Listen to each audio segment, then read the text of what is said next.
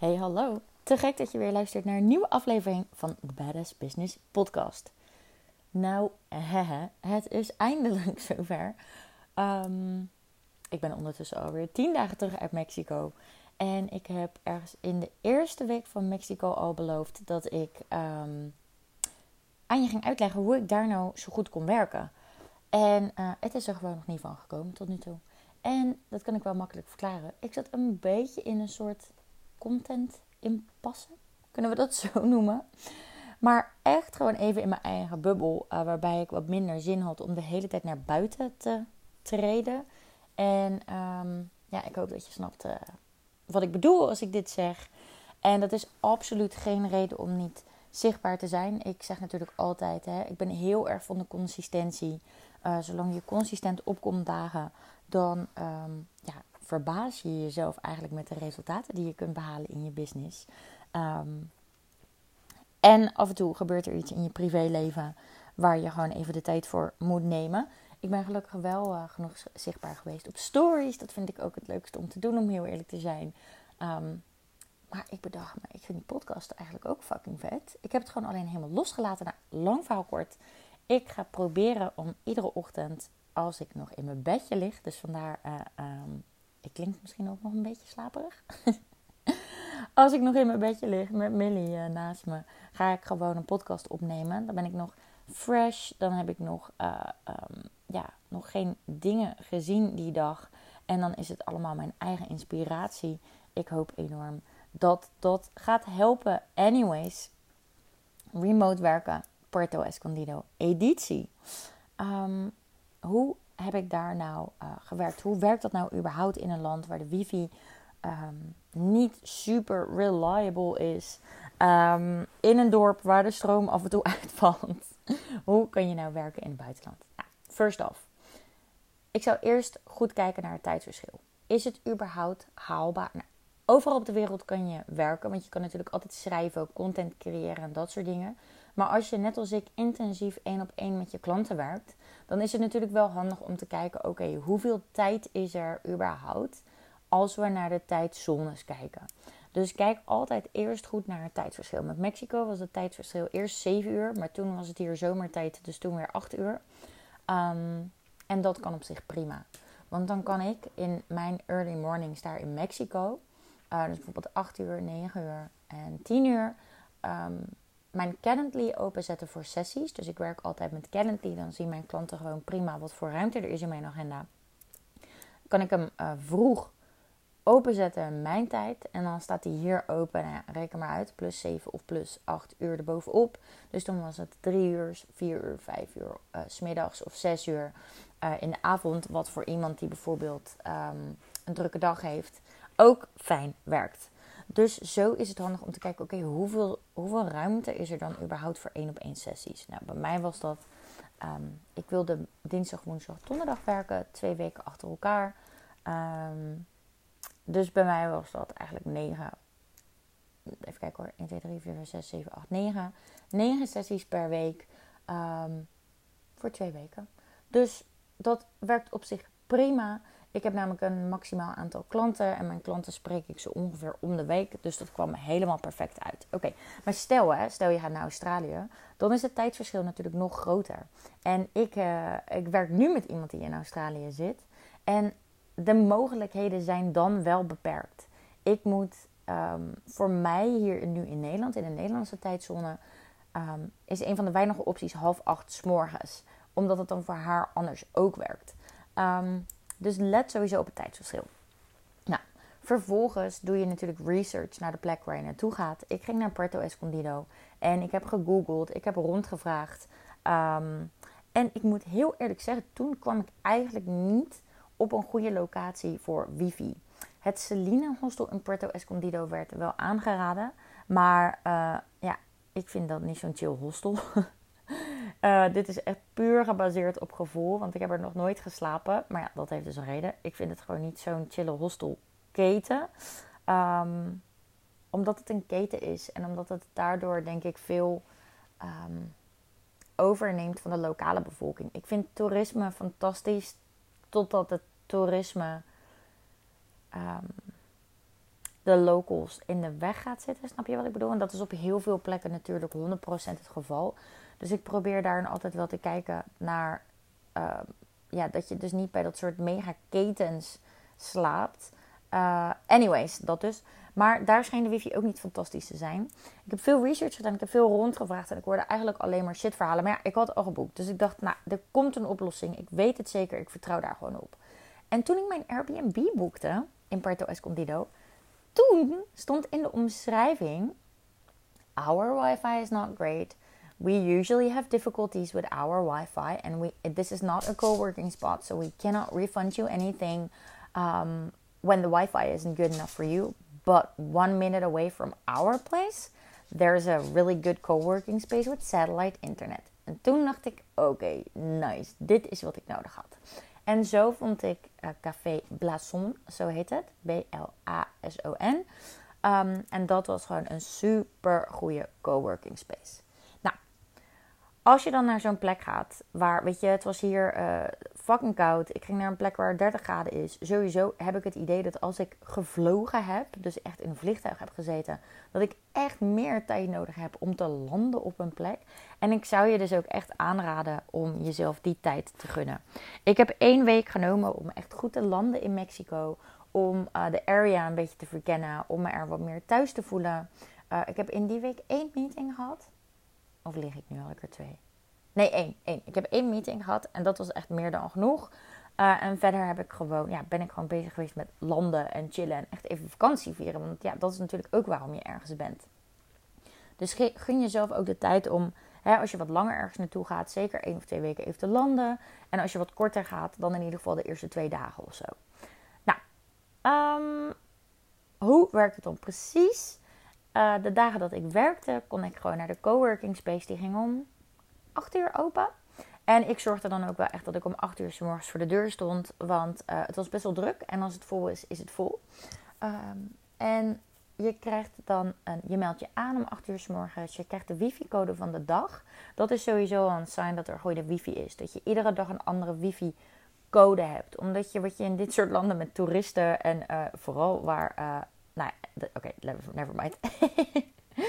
ik wilde zeggen vooral waar de. Um, vibe op een plek is van we don't do society. Willen mensen niet voor wifi betalen of zo? En, en zitten er dus mensen allemaal te krioelen buiten een café waar ze eerder dan die week wel wat hebben gekocht en dan dus gebruik mochten maken van de wifi? Zitten daar dan nu ook nog gebruik te maken van het netwerk, weet je wel? In Mazoente was dat um, overal. Ik kreeg ook echt overal de waarschuwing van deel alsjeblieft niet je wifi-password met andere mensen. En we moeten het de hele tijd aanpassen, want er zitten de hele tijd groepen mensen voor de deur te gebruik te maken van ons wifi-netwerk. Ja, oké, uh, je kan op zich ook gewoon ergens een koffietje halen en van dat wifi-netwerk gebruik maken. Maar hè, zo zit ik in de wedstrijd en andere mensen zitten daar anders in. Dus dan krijg je de wifi-code bij bijvoorbeeld Café Blasson van de dag uh, en een starttijd. En daar kan je een coworking huren voor drie uurtjes of voor de hele dag. En ik moet je heel eerlijk bekennen dat ik niet meer weet wat ik daarvoor betaald heb. Ik um, kwam daar namelijk een aantal dagen achter elkaar. En wat ik dan zo leuk vond was, ja, op een gegeven moment herkennen mensen je ook. En was het, hola Romy, are you coming to work here again? Weet je wel, dus dat was gewoon super leuk. Maar daardoor, ja, ik weet niet of dat dan iets Mexicaans is of zo. Uh, hoefde ik ook de helft van de tijd maar de helft te betalen. Maar laten we er even van uitgaan dat je voor bijvoorbeeld een ochtendje werken echt een paar euro, misschien 5, 6 betaalde. En voor de hele dag misschien 10 euro of zo. En dan kan je ook gewoon lekker een koffietje en een ontbijtje um, bestellen. En dat komen ze dan ook bij je coworking brengen. En dat is natuurlijk vergeleken met Nederlandse prijzen sowieso heel goedkoop. Dus voor de kosten vind ik hoef je het niet te laten. Ik bedoel, je luistert naar me omdat je een badass business wil bouwen.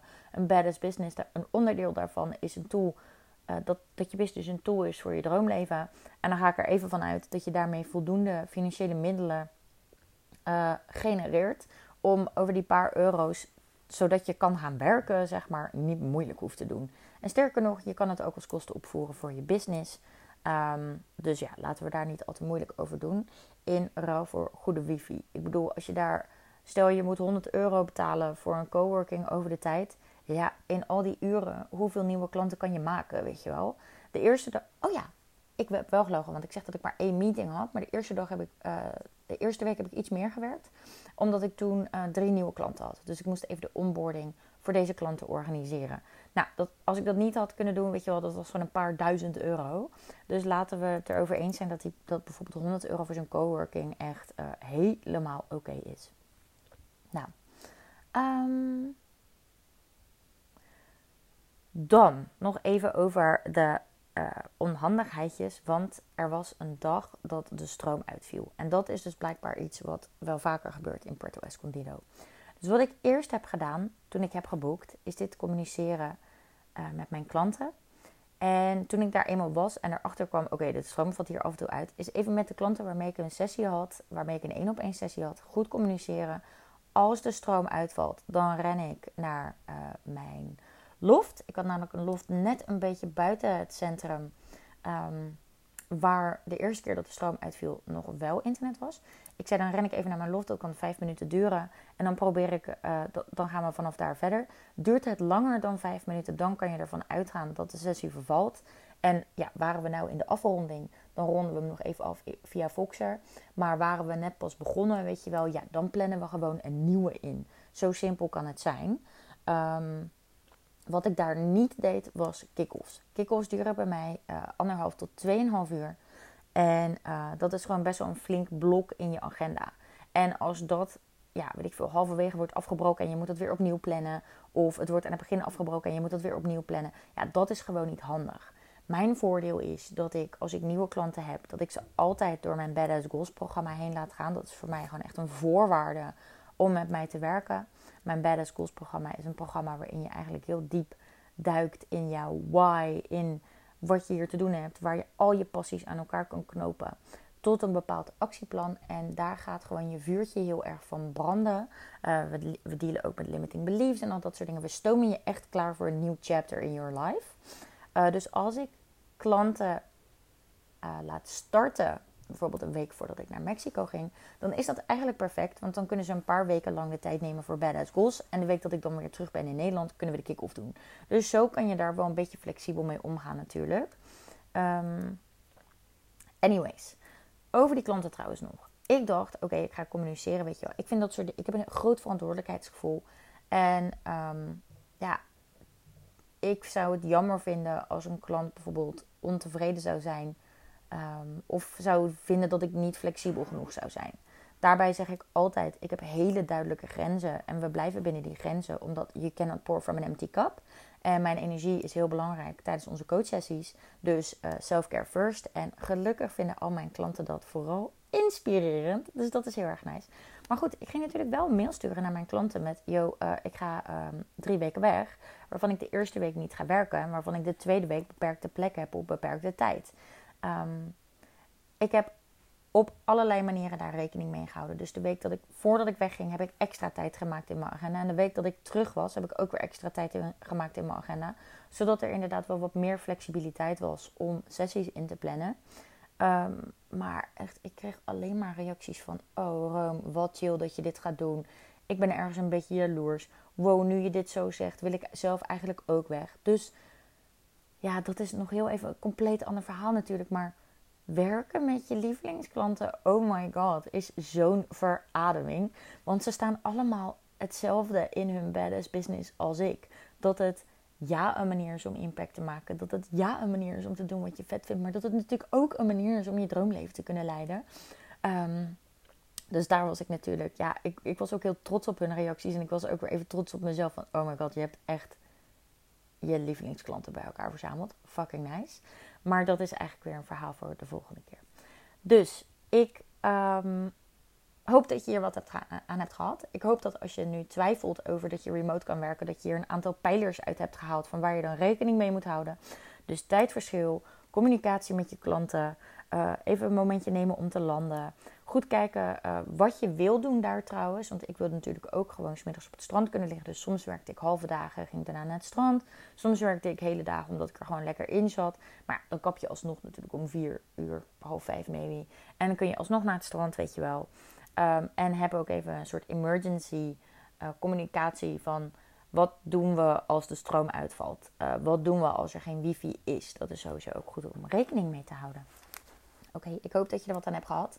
Misschien inspireert het je wel om uh, nu ook toch uh, remote te gaan werken. Um, als je er nog vragen over hebt, let me know. Stuur me dan een DM'tje op Instagram, Romy van Keulen. En, en, en mag ik je wat vragen? Ik zou het zo leuk vinden dat als je deze podcast-episode luistert en je haalt er iets uit, een inzicht of um, even wat handigheidjes of uh, een extra vraag, zou je dan de podcast met me, zou je hem dan willen delen op um, jouw Instagram-pagina en zou je mij daar dan in willen taggen? Dan kan ik hem ook weer resharen en dan hè, is misschien ook wel goed voor jouw visibility. Um, maar dan gaan we daar even het gesprek aan. Ik vind dat zo leuk. Ik vind Instagram echt met de maand een leuker platform worden. Uh, en ik ga heel graag daar het gesprek met je aan. Dus uh, mocht je er wat uit hebben gehaald, schroom niet om dit te delen online. En uh, ja, let's chat about it. Oké, thanks voor het luisteren en tot de volgende.